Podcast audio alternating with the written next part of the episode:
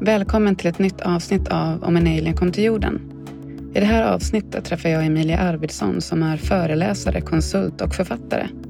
Vi pratar om varför hon skrev sin bok Klimatglädje och vi har ett samtal om hur vi människor använder vår tid. Jag heter Therese Storm och det här är Om en alien kom till jorden. Hej Emilia, välkommen! Tack så hemskt mycket. Kul att vara här. Jag kör igång med första frågan direkt och jag är supernyfiken på vad du tror att en alien hade tänkt om jorden och oss människor här om den kom hit. Jag tror att en alien kommer tänka att eh, vad många fina människor som finns, men varför gör de inte som hjärtat vill? Mm. Och det vi hör här i bakgrunden nu, det är en åska. Man skulle ju kunna tro att det är lite alien som är på väg, men det är alltså åskan som mullrar i bakgrunden. Men jag tror, jag, tror, jag tror att människan i grunden är god och jag tror att det kommer man kunna se om en alien kommer till jorden. Men att vi behöver... Den här alien blir liksom inte, impone, inte särskilt imponerad av att vi är så kloka, men vi gör så många tokiga saker. Mm. Såklart. Mm. Ja. Vad tror du de hade tänkt om själva platsen, om eh, jorden? Jag tycker själv väldigt mycket om naturen så att jag tänker att de kommer få se två olika, liksom två extremer. Dels fantastiskt vacker eh, natur som finns över hela jorden, men det finns också platser som är väldigt anpassade efter typ normer då, som effektivitet, transport. Det ska gå snabbt och sådär. Och det eftersom det ska gå snabbt så behöver man bygga olika eh, strukturella lösningar för det och det är inte alltid positivt. Asfalt är liksom inte alltid bra. Mm. Mm. Inte så vackert att titta på heller Nej, kanske. Precis, ja men exakt. Samtidigt så jag som kör elcykel, lådcykel, väldigt tacksam för när jag slipper köra på grusvägar. Så att jag menar, jag, mm. jag är också en av de här personerna som den här alien ser. Att jag har också ett gott hjärta, men jag också gillar ju bekvämlighet så att säga. Mm. Vad tror du vi behöver för att bli utputtade lite grann från vår bekvämlighet? Vad tror du skulle behövas? Eh, det finns ett ganska enkelt svar på den frågan faktiskt, jag har funderat mycket på det också. Och jag tror att det är tid vi behöver.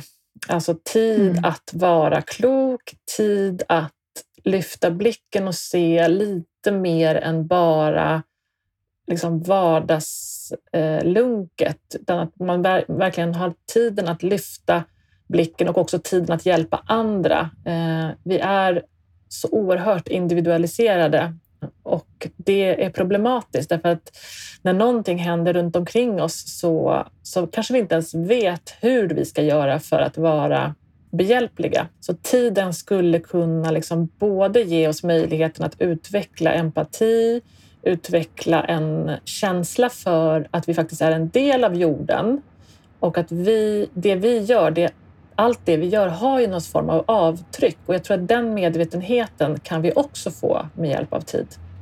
Mm.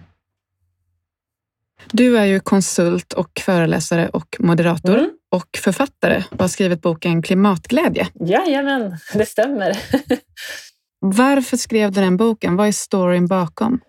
Det är ganska speciellt för att jag har ju tidigare faktiskt inte alls haft en känsla för miljö och klimat och den typen av frågeställningar, utan jag har varit en ganska vanlig person med just det här vardagslunket bredvid mig ständigt. Men 2018, det är alltså för två år sedan, så hade vi en oerhört varm sommar och då blev klimatfrågan personlig för mig. Eh, jag mm. tror att den måste bli personlig för att man ska våga eh, välja att agera. Så att det som hände då var att jag tänkte wow, oj, varför är det så här varmt? Eh, och vad finns det för liksom, förklaringsmodeller till det? Och jag började liksom rota runt lite. Och då föddes idén om att oj, det finns mycket som jag själv kan göra. Så jag ville testa att leva mer klimatsmart och då gjorde jag åtta utmaningar för mig själv som jag skulle göra under ungefär nio månaders tid. Och eh, då gjorde jag det och samtidigt parallellt med det så tog jag kontakt med forskare som kunde upplysa mig om hur ligger det till? Hur fungerar saker och ting? På vilket sätt är min elanvänd elanvändning kopplad till klimatfrågan? Eh, hur ska man kunna äta på ett sätt som är lite mer i linje med eh, 1,5 graders målet? Det fanns liksom ett startpunkten blev liksom den här varma sommaren där vi fick och eh, väldigt svårt, eller i alla fall jag, svårt att sova för att det var så varmt. Och just sömnen känner jag, det är en sån där grej som man inte vill bli av med. Så genom att det blev personligt så fick jag nyfikenhet och så var det på den vägen. Så det var ett, ett evigt testande där under många månaders tid och komma fram till saker och lära mig grejer om klimatfrågan. Och jag är inte, absolut inte fullärd. Det skulle, det skulle vara förmätet att säga något sånt. Men däremot så har jag nu en grund att stå på. Så boken är verkligen för den. Jag har faktiskt kommit fram till det sen, på senare tid att boken är för den som känner sig lite rädd för klimathotet men som också skulle vilja lära sig mer och också ta lite action. Och det absolut viktigaste budskapet det är ju egentligen att organisera sig, att, att eh, påverka politiker, att, att prata om klimatfrågan både eh, fysiskt på plats med andra människor men också i sociala medier. Så att även om man gör en massa bra saker själv så måste vi liksom eh, fortplanta det här snabbt nu, för nu är det, det är verkligen en fråga om överlevnad skulle jag säga. Mm. Vill du berätta lite mer om det här 1,5 graders målet? Ja, det, det, det kan ju låta lite futtigt 1,5 grader, men det är någonstans helst under det. Det är alltså den globala medeltemperaturen, alltså ökningen. Att vi vill inte ha en global eh, ökning på mer än 1,5 grader. Eh, och ja, det kommer se olika ut på olika platser i världen. Så att i, i länder som Sverige till exempel, eftersom vi ligger nära Nordpolen, så kommer det att påverka i högre grad här. Det kommer liksom bli varmare snabbare. Jag vet inte exakt, jag har inte de här exakta mekanismerna och det är kanske inte det som är det mest intressanta, utan det som är intressant är att vi, vi behöver hålla oss under 1,5 grader eller helst, ja, man vill ju helst inte att det ska ske någon uppvärmning alls, men det blir väldigt svårt. Och det som gör att vi, det värms upp, det är bland annat att vi har eh, höga koldioxidutsläpp i världen. Greta Thunberg pratar om den här, liksom, den här potten som vi har, att vi, vi, den minskar hela tiden. Alltså hur, x antal gigatons eh, av koldioxid som vi kan släppa ut fram till ett visst årtal. Det som gör det svårt är ju att vissa koldioxidutsläpp är nödvändiga och det är också intressant att till exempel vattenproduktion, alltså dricksvattenproduktion i Sverige har ju faktiskt eh, koldioxidutsläpp och det, det, det går, går, ut på att produktion kräver ja, men transporter, det kräver elektricitet och så vidare. Så att även ett sånt fruktansvärt liv, livsviktigt livsmedel som vatten har koldioxidutsläpp. Men vi kan ju också ställa olika saker mot varandra, tänker jag. Alltså vad är viktigast? Och det är någonstans där jag tänker att dricksvatten är superviktigt. Sen kan man ju också ställa om i dricksvattenproduktion och mer mot alltså att man använder mer av elektricitet och eldrivna fordon och sådär. Men allting kräver resurser så att man kan inte bara säga att vi ska nolla allting utan vi måste fundera på var ska de här utsläppen som vi har kvar att göra och kunna använda, var ska vi placera dem någonstans? I länder som till exempel inte är lika välutvecklade som i, delar av västvärlden så tänker jag att där borde vi, vi borde ju ge vår pott till dem så att säga så att de kan bygga vägar och så vidare och skolor och vård, och, vård skola och omsorg. Så det är ju inte bara så att man nollar grejer hur som helst utan man måste ha det här perspektivet att vissa utsläpp kommer att vara nödvändiga men frågan är vart placerar vi dem? Fick du svar på frågan om 1,5 gradersmålet? Ja, ja.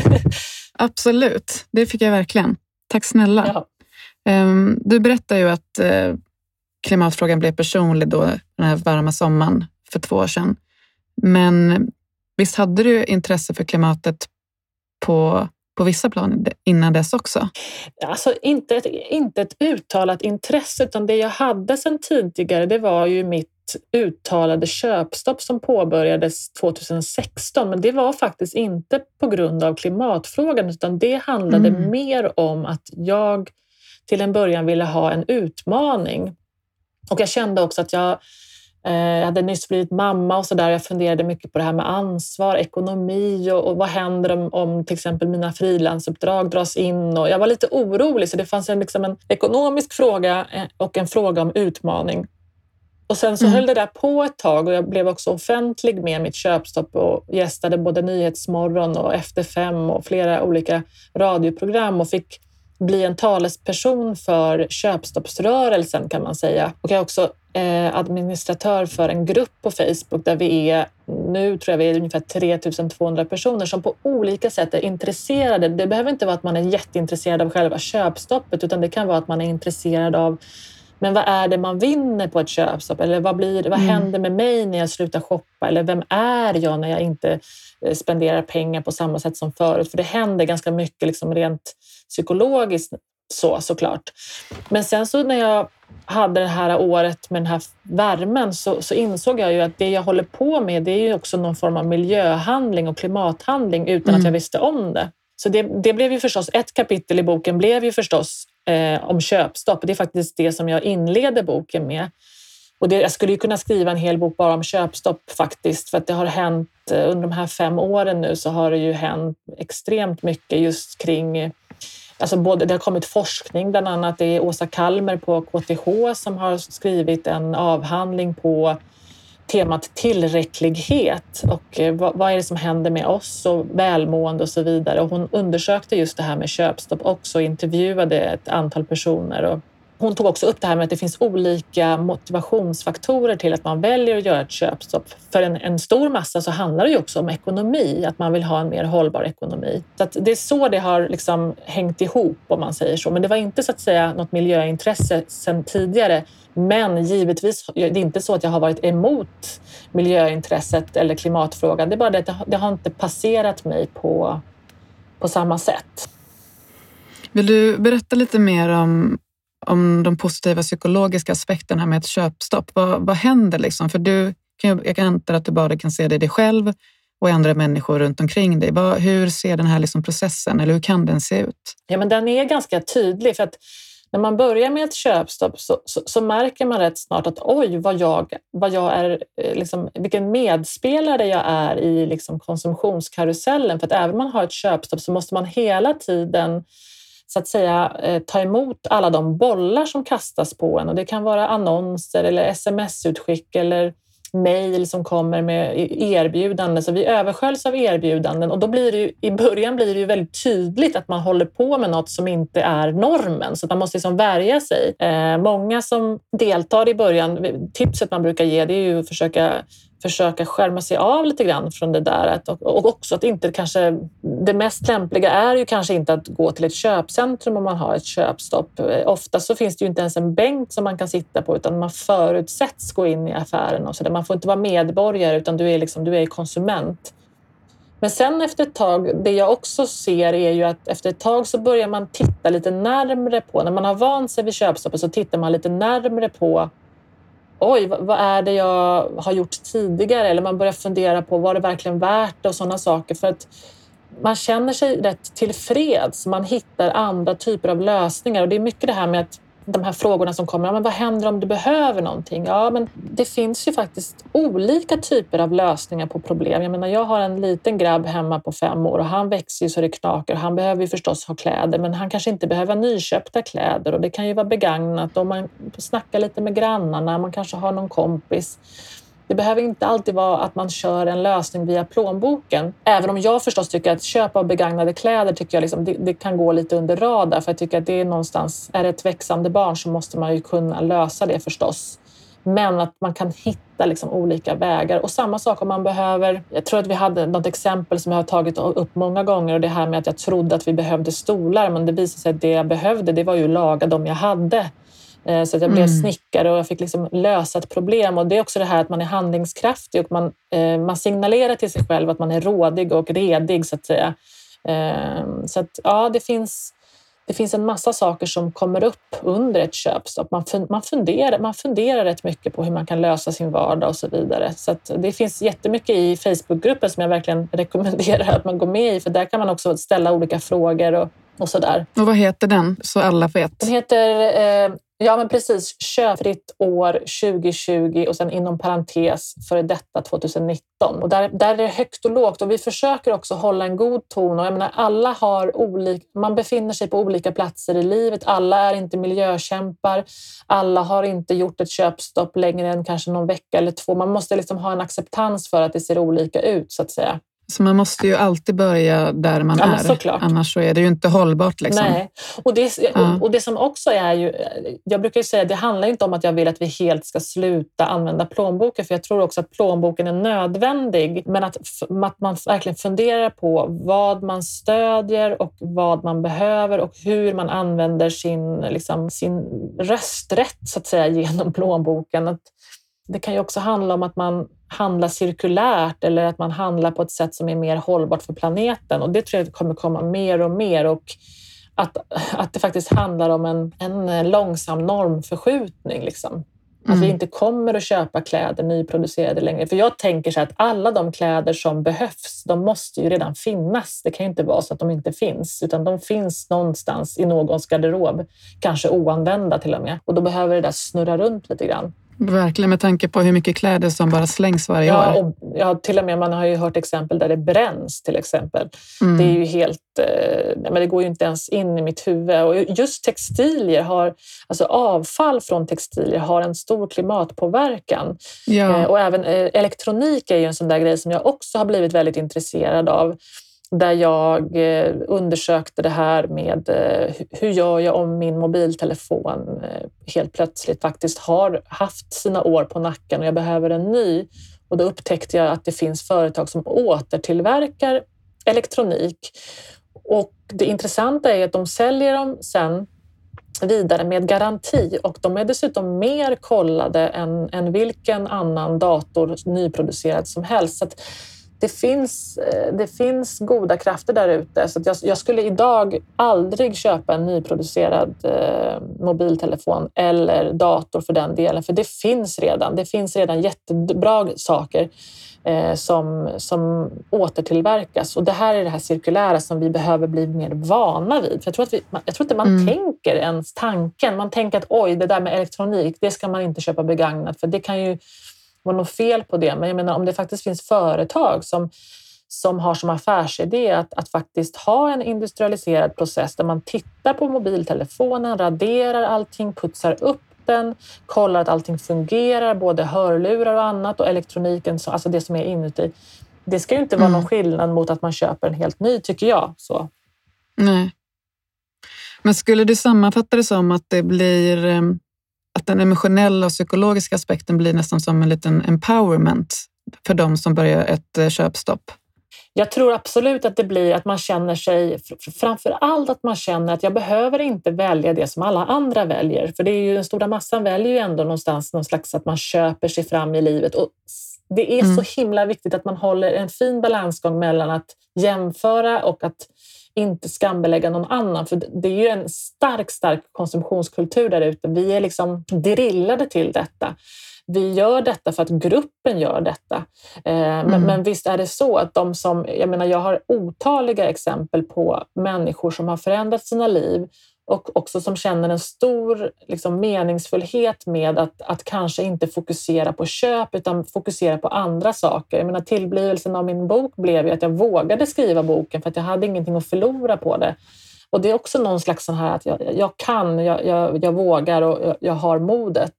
Um, så absolut, jag ser, jag ser mycket sånt faktiskt i gruppen och även folk som jag träffar, att man, man, man förändras med sitt köp på, på, på, ett positivt sätt i de flesta fall. Sen finns det ju exempel på människor som tycker att det här är skitjobbigt, rent ut sagt. Och det kan ju finnas olika anledningar till att man inte fixar ett köpstopp och, och det, det ska man vara ödmjuk inför. För att man har, alltså, för varje känsla som, som, som existerar i en människa så finns det ett köp som kan lösa den känslan. Exakt. Det, det, gäller att kunna mm. hitta alternativa strategier och det är inte alla som har den förmågan och det ska man vara, liksom, det ska man vara ödmjuk inför. Ja, jag tänker att det är ett väldigt starkt verktyg att använda för att komma i kontakt med olika bedövande, alltså shopping är ju en bedövande aktivitet som vi liksom är programmerade med sedan vi var små. Eh, så att ifall det är så att man inte klarar det från början, då kanske man kanske till och med också blir så att man får lite knuff, att man kanske går till den här terapeuten eller kanske går till den här coachen och sen till slut när man har löst de här sakerna som man bedövar så, så går det. Eller så, alla har vi vår egen resa, men jag tänker att det kan ju, jag har också min egen personliga upplevelse och det jag ser med människor runt omkring mig, att det kan bli väldigt emotionellt mm. med ett köpstopp. Ja, det, jag skulle säga att till, till större delen så är det emotionellt. Alltså dels för att det också är kopplat till ekonomi. Det, alltså det kan ju vara har man försatt sig i en situation där man har en skakig ekonomi så kan ju faktiskt ett köpstopp ge en trygghet eller ge en, en, en perspektiv på saker, att man förstår att jag kan skapa någonting annat med små medel. Sen, sen så ska vi komma ihåg att det är väldigt många som där ute som kanske inte som har ett ofrivilligt köpstopp, det vill säga att man har ett mm. köpstopp för att man faktiskt inte har pengar eller inte har råd eller kanske inte har jobb eller eh, låga inkomster. Och då ska, man liksom inte, då ska man inte prata köpstopp i det läget, utan då kanske man ska prata om en annan typ av resa som man kan göra på olika sätt. Så det finns ju olika exempel på, alla är ju inte lika på något sätt. Det är jättebra att du säger det. En väldigt, väldigt bra del eller en poäng. Um, yeah vad, vad, tror du att en alien hade sagt om, hur, om den klimatkris som vi är i och hur vi människor behandlar den? Um, jag tror att um, jag tror att det måste gå från flera håll. Att den här alien både pekar på liksom, pekar på vad som skulle kunna vara ett gott liv som är i linje med klimatfrågan och vad som är ett gott liv utifrån vad politikerna kan ställa för krav på människor. Så att jag tror att vi behöver omformulera, att den här alien tycker att vi ska omformulera det här. Liksom. Vad, är, vad är svaret på den här frågan? Vad är ett gott liv? Eh, för just nu ägs den väldigt mycket av krafter som, som kanske inte går i linje med klimat och miljöfrågan. Vi ska ju både kunna leva gott och ha det ha ett perspektiv som gör att faktiskt den här planeten som faktiskt är till för oss då på något sätt. Det är inte så att planeten kommer gå under utan det är ju mänskligheten Nej. i så fall. Och det är ju det som är lite klurigt att man tänker att oj stackars jorden. Nej, men det är faktiskt stackars människan. Så att jag tror att vi behöver, vi behöver olika sagor om hur ett liv kan skapas och levas och, och, och liksom prata om vad ett välmående, vad är det för någonting? Det kanske inte är den där flygresan till till Thailand eller det kanske inte är den här nyaste prylen eller så, utan det kanske är någonting annat. Det handlar ju mycket om relationer och man pratar ju om att Sverige, att vi är ett ensamt land. Liksom. Det kanske finns en, en lösning på ensamhetsfrågan eh, i, kopplat till klimatkrisen, liksom, tänker jag. Mm. Och kan inte du fortsätta på den tanken? Jag blir så nyfiken. ja, men jag tänker att vi, vi är fostrade till att man ska klara sig själv.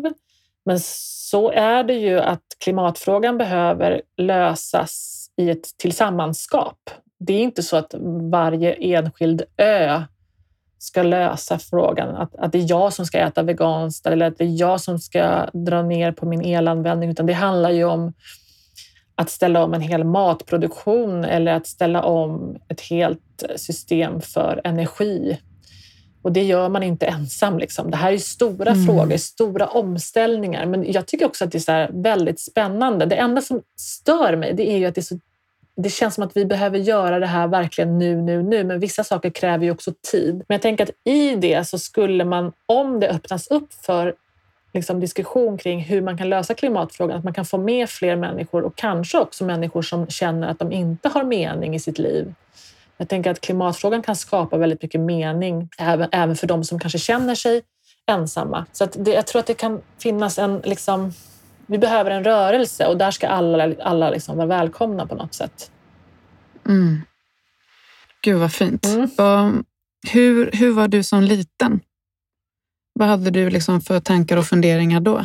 Eh, oj, det är ju det att jag har ju så himla få minnen sedan jag var liten och det finns ju massa orsaker mm. till det. Men jag var nog en väldigt snäll person alltså, och väldigt ambitiös redan från ung ålder. Väldigt snäll och ambitiös. Och det, det låter ju till synes bra, men jag tror att det ligger en massa rädslor där bakom som gör att jag både var snäll och mm. ambitiös. Men i de här frågorna, min, min pappa är ju agronom från SLU och jag, fick ju tid, jag började tidigt liksom vara ute på fält och sådär och, och kom i kontakt med liksom både både att få jobba med, då jobbade jag med sån här, vad heter det, växtförädling och sånt där på sommarjobb. Alltså satt och sorterade ogräs och vägde och mätte. och Så, där. så jag, jag har alltid haft ändå på något sätt en connection med naturen. Och min mamma hon hon tyckte ju det här med att, liksom, att jag skulle utvecklas var viktigt. Så hon, bland annat så hade vi ingen tv när jag var liten och, och, det tror jag också har påverkat mig. Jag läser ju väldigt mycket och, och, och kan, kan hitta olika intresseområden. Jag är ganska bred i mitt sätt att se på världen, tror jag. Nu minns jag inte vad grundfrågan var från dig. Hur var jag som liten? Ja, men snäll och ambitiös och liksom väldigt så här, ja, men ville att allting skulle vara liksom bra och att man ska vara snäll mot varandra och så där. Ja, men det var nog ganska viktigt för mig.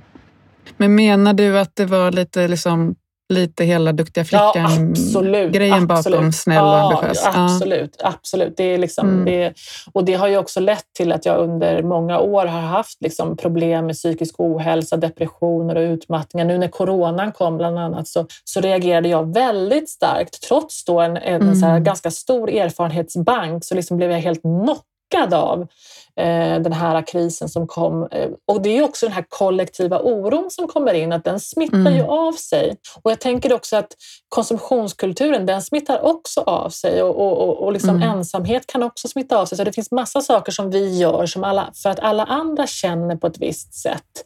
Eh, men, men, absolut duktig flicka, men, men också så där att jag känner att, att jag skapade min egen trygghet lite senare. I, liksom, I vuxen ålder fick jag jobba mycket mm. med det. Och liksom, jag är rätt bra på att klara mig själv, vilket är superbra i vissa sammanhang. Men så är liksom, man måste öva på att till exempel vara en del av en familj. Jag menar, jag har ju barn och man nu, men jag känner fortfarande att jag är lite så på solokvist liksom, på min egen kant. Så att jag övar ju jättemycket på det här med gemenskap och den typen av liksom, ja, viktiga områden i livet helt enkelt. Mm. Den delen i dig, hur, hur känner den inför den här enorma Facebookgruppen som du har skapat? För det är ju som, du har ju verkligen skapat ett community. Ja, det, det, är, det, är, det är faktiskt väldigt roligt, för det är väl också det som är lite av poängen, att man inte gör saker ensam. Ehm, just köpstoppet, att hitta en gemenskap kring en fråga som kanske inte är normativ utan snarare lite udda, mm. det blir ju att vi tycker det här är högst normalt, att man inte fladdra runt på köpcentrum. Så det, har, jo, men det är superviktigt. Sen, sen känner jag så ett ganska stort ansvar. Jag vill att det ska vara god stämning i gruppen och det är det oftast. Och sen har, har jag också, känner jag att jag har ett ansvar att titta in en gång i veckan och det gör jag på regelbunden basis och kör en live med mina vi har några stycken som alltid dyker upp och sen så vet jag att det är folk som tittar i efterhand också. Det jag skulle vilja utveckla det är ju kanske ännu mer att utbilda följarskaran, det vill säga att man eh, tar upp ny forskning, att man pekar på intressanta fynd i olika vetenskapliga rapporter och sånt där, sånt där som jag tycker är väldigt roligt men som jag kan kanske öka på intresset för. För jag har ju någonstans en, en möjlighet här då att, att få med mig lite folk i klimatfrågan också. Så att ja, det är superroligt och också sådär ansvarsfullt och ibland kan jag känna, gör jag, gör jag klipp? Men jag tror ändå att vi har en, en, balans och vi är faktiskt inte, jag är inte ensam utan vi har, vi har en tjej till som hjälper till och sen har vi de som grundade själva gruppen. För jag, har faktiskt, jag var inte med från allra, allra första början, jag kom in lite senare. Så jag har lite stöd där. Eh, och nu kör vi under sommaren, så har vi kört nu juni, juli, augusti, alltså köpfritt summer edition på tre månader. Så jag försöker liksom hotta upp det här lite grann. Mm. Gud vad bra. Men den, den delen i dig som, som lätt känner sig solokvist och som känner den här ensamheten, känner du att den här gruppen liksom har hjälpt dig med, med liksom att känna dig mindre ensam? Alltså, både ja och nej. För jag, jag, tror ju mycket på det fysiska mötet. Så jag, har, jag har under de här senaste åren börjat träffa människor kanske tack vare sociala medier. Alltså, och vi har, jag har några grupper som jag deltar i, i vi är några tjejer som träffas no, någon gång per år och så där. Och sen, sen har jag ju eh, kompisar också här i, i närheten där jag bor och framförallt nu i och med att jag blev mamma så har vi ju liksom en, en gemenskap där. Det, men just ju, ibland kan det bli lite anonymt med sociala medier-kontakter. Mm. Sen tycker jag det är så superhärligt när folk hör av sig och bara skriver någon rad och sådär. Men, men jag upplever inte att jag får den... Alltså det helt annan kvalitet när man faktiskt träffas på riktigt. Mm. Eh, vi har ju pratat om i gruppen att kanske försöka ordna någon form av eh, liksom live, eh, ett live-möte, men det har inte riktigt blivit av. Men, men det är både att man känner gemenskap, men också att man, man vet också hur det känns när man ses på riktigt, så att säga. Det känns som att vi kommer in lite grann på baksidan av sociala medier. Alltså, jag tänker att jag, även, alltså, jag utgår från mig själv hela tiden när jag pratar såklart. Och eh, det som kan bli med sociala medier för mig är ju att det blir nästan som en illusion av gemenskap och kontakt. Yes. Eh, men och ifall man inte då tar det längre steg och kanske träffas och liksom, så, så blir det nästan som ja, men det blir som ett problem för att det blir som en illusion av att man har en gemenskap men egentligen känner man sig kanske lite mer ensam in the end of the day. Ja, men det tror jag också. att Man, man ska inte tro att, att det är det som är... Jag tror att man behöver balansera, balansera det där lite grann. Nu har jag också hållit på länge med sociala medier. Jag har både jobbat med sociala medier men också liksom haft mycket kontakt med folk. Och liksom jag är ju en person som eh, gillar att skriva så det är perfekt. Alltså det är perfekt för den som älskar att skriva och kanske eh, tycker att det är lite svårt med relationer. Då är det liksom jättelätt att bara använda sig av sociala medier. Men jag tror att det, det riktiga mötet någonstans till syvende och sist är det viktiga. Så man, får, man måste ha en balans. Det är inte liksom antingen eller utan det är snarare både och. Så. Mm, det är en dörröppnare. Ja, för det kan också vara så att jag känner ibland att det, det här tjejgänget som jag träffar, och, de följer jag ju på olika sätt, både i sociala medier, men på bloggar och Instagramkonton. När vi väl ses så kan det ju ändå vara lite härligt att man har en slags... Man, man vet vad den andra personen har gjort utan att man har varit med själv. Och det, det, Ja, en liten inblick. En inblick. Jag tycker det, det kan vara väldigt härligt faktiskt. Mm. Så, så det, det, jag tror att det kan komplettera varandra ganska bra. Men att sitta på kvällarna och scrolla. Var senast igår faktiskt så låg jag här och skulle, jag skulle vila men så slutade med att jag låg och scrollade. Och det här scrollandet, det blir ju liksom bara jag blir ju inte mer utvilad så jag tänkte nej. Och då var det någon som faktiskt postade att hon var ute i naturen och gjorde, hon skulle kolla på något hus eller vad det var. Och då hörde jag fågelkvittret genom skärmen och tänkte, men det där vill jag också ha. Så då var det bara upp och mm. ut. Och det var väldigt sådär, det var inte lätt, men det var bara att jag kände att jag ville uppnå en annan känsla. Och det kan ju vara en väldigt härlig inspiration att kunna få det, men att bara sitta och mata sig själv utan att gå ut och faktiskt göra det här som man tycker om, det tror jag det kan mm. vara farligt.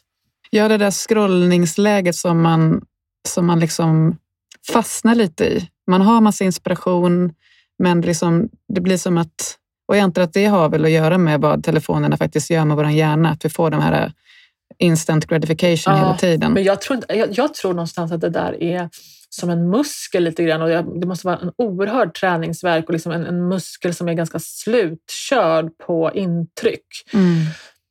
Ja, såklart. Alltså vi, istället för att vi själva tänker ut någonting så matar vi bara på. Jag tycker att vi behöver kanske bli bättre på att ta, ta vara på det här med reflektion och liksom tänka själv och inte att någon annan tänker åt en. Liksom att man, ja, mm. Det har jag funderat mycket på också. Att det ska vara en balans mellan att ta in och själv producera så att säga, tankar och reflektioner. Ja. Mm. Det resonerar verkligen mm. med mig supermycket. Vilka de tre bästa argumenten som du använder när du träffar någon som inte riktigt eh, har fått den här personliga kontakten med eh, klimatfrågan? Att man ska hitta, alltså, hitta det som eh, Alltså att man alltså, ska, man ska lokalisera det som man tycker är viktigt i livet och så ska man försöka tolka det med klimatglasögon.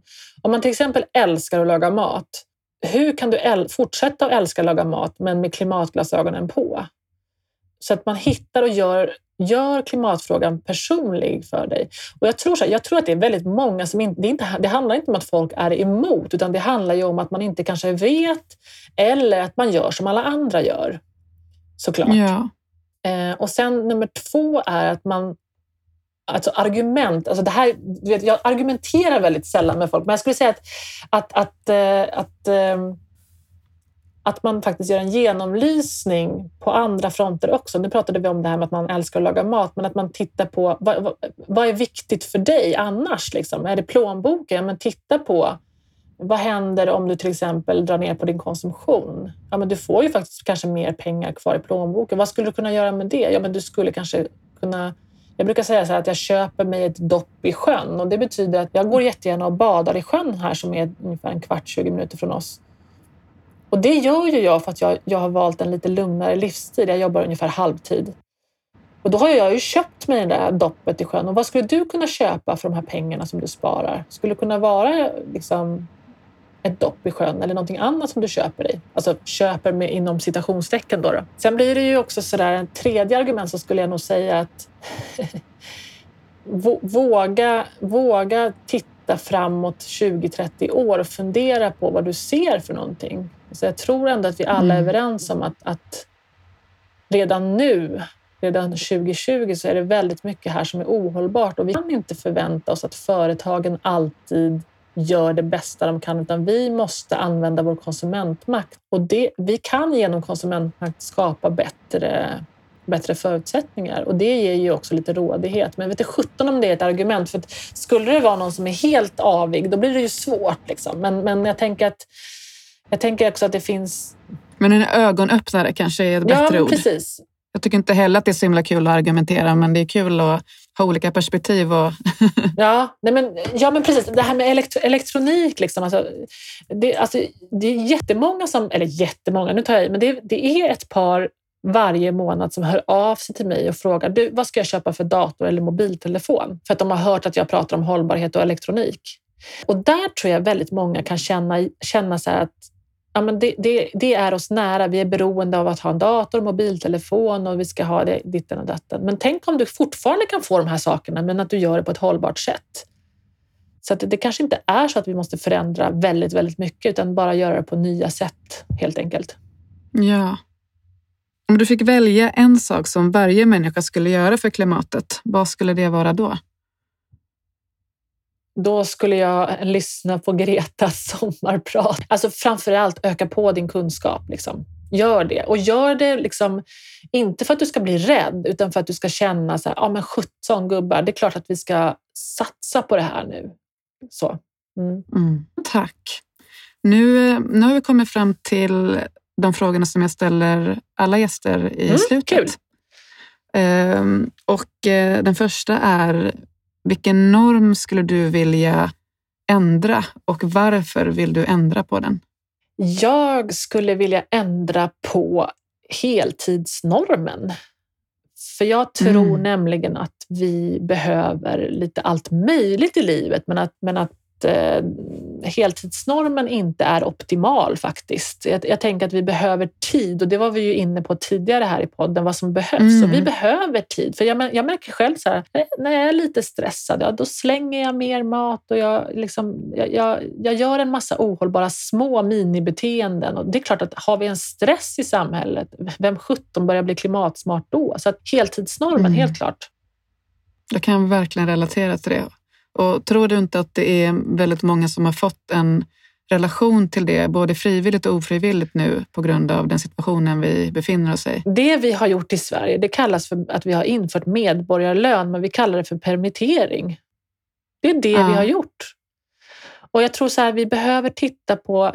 Jag har inte något... Jag är väldigt sällan politisk av mig, men jag tror så här. Den heltidsnorm som vi har, den kostar också. Den kostar i form av sjukskrivningar, den kostar i form av ensamhet. Den kostar, det, kostar, alltså det finns en kostnad för heltidsnormen och den är sällan med i beräkningarna. Mm. Så att absolut. Ja, ja mm, spännande. Mm, precis, ja, men det, här... det skulle kunna vara ett helt avsnitt bara om det. ja, men verkligen. verkligen. Um, Okej, okay. andra frågan är jag vill helt enkelt veta mer om en person som har inspirerat dig genom livet och, och präglat dig. Just det. En person som har inspirerat mig genom livet och präglat mig. Har jag ens en sån person? Det låter ju jätteförmätet. Man borde... Alltså, ja, men delvis, ja, jättesvårt. Alla har ju inte det och jag tänker att det, det går ju lika bra med någon person som har inspirerat dig Lite grann. En dag eller tre, tre år? Eller? ja, men jag hade, jag hade en, en präst som jag pratade med i under några års, sex, fem, sex års tid. vi hade samtal om livet och, och sådär. Och, och, det var, den, han har ju betytt väldigt mycket för mig, så den prästen skulle jag nog välja. Liksom han, jo, absolut. Fortfarande så påverkar han mig så här, för han har gått mm. bort nu. 2012 gick han bort. Eh, mm. Så att, ja, där har vi en person. Ja. ja, vad fint. Vill du dela med dig av någonting som lever kvar i dig som han som han förmedlade och öppnade i dig? Ja, det finns en grej och den har jag nog också skrivit om och det är ju att han säger att människan är begränsad och att det är, någonting, det är inte någonting negativt utan det är någonting positivt. Och, och ju mer jag tänker på det, desto, jag, jag, lever väldigt mycket utifrån att jag är begränsad. Eh, jag vilar mycket mm. och jag försöker att lägga in liksom återhämtning ofta. Att jag kommer ihåg att jag är begränsad. Att är, det handlar inte om att jag kan bli vad jag vill. Jag kan bli mycket, men frågan är om det är värt det och så där. Så den begränsningen behöver vi respektera istället för att prata om att man ska köra slut på sig själv och man ska vara på ett visst sätt och man ska jobba på ett visst sätt och så där. Nej, jag, jag tror mm. jättemycket på det där som han säger, att vi är begränsade och det är positivt. Ja, vilken fin, vilken fin sak att dela med sig av. ja. um, för att må bra i livet, vad tror du är viktigt för oss då? Ja, att, jag, jag, tror att, att våra handlingar på något sätt relaterar till det vi tror på. Att man liksom inte gör saker mm. emot sig själv och sina värderingar. Och Jag tror att det här går att koppla till klimatfrågan och som också gör att folk, det här med klimatångest pratar man om. Jag tror att en del av klimatångesten beror på att vi tycker att klimatfrågan är viktig, men vi gör inte riktigt som vi, som vi kanske borde eller som vi kanske borde lära oss mer om. och Så, där. så Jag tror att en del av klimatångesten mm. handlar om att vi faktiskt inte lever efter en, en värdering helt enkelt. Mm. Det tror jag verkligen på. Alltså oavsett vad det är, om man har det, alltså värderingar och känslor och behov är ju väldigt sammansvetsade och det går ju liksom inte riktigt. De är inte förhandlingsbara heller så att ifall man då går emot dem så är det klart att det, mm. att det mm. känns fel i oss. Ja. Och den sista är helt enkelt om den som lyssnar nu vill se och höra mer av dig, var, var hittar den dig då någonstans? Men jag finns ju bland annat på Köpfritt-gruppen. Eh, jag finns på Instagram, enemilia.se heter, heter jag på Instagram. Jag finns på LinkedIn. Där skulle jag också säga att det är ett bra ställe att, att connecta på. Mm. Eh, och så kan man, alltså det går alltid att skicka ett DM eller ett, ett mejl till mig också. Så att eh, vill man ha kontakt så tycker jag absolut att man ska ta den kontakten. Tack så hemskt mycket för att du ville lägga den här tiden på att ha det här samtalet med mig. Ja, men tack, det var väldigt spännande. Det var bra frågor. Tack snälla. Tack så mycket.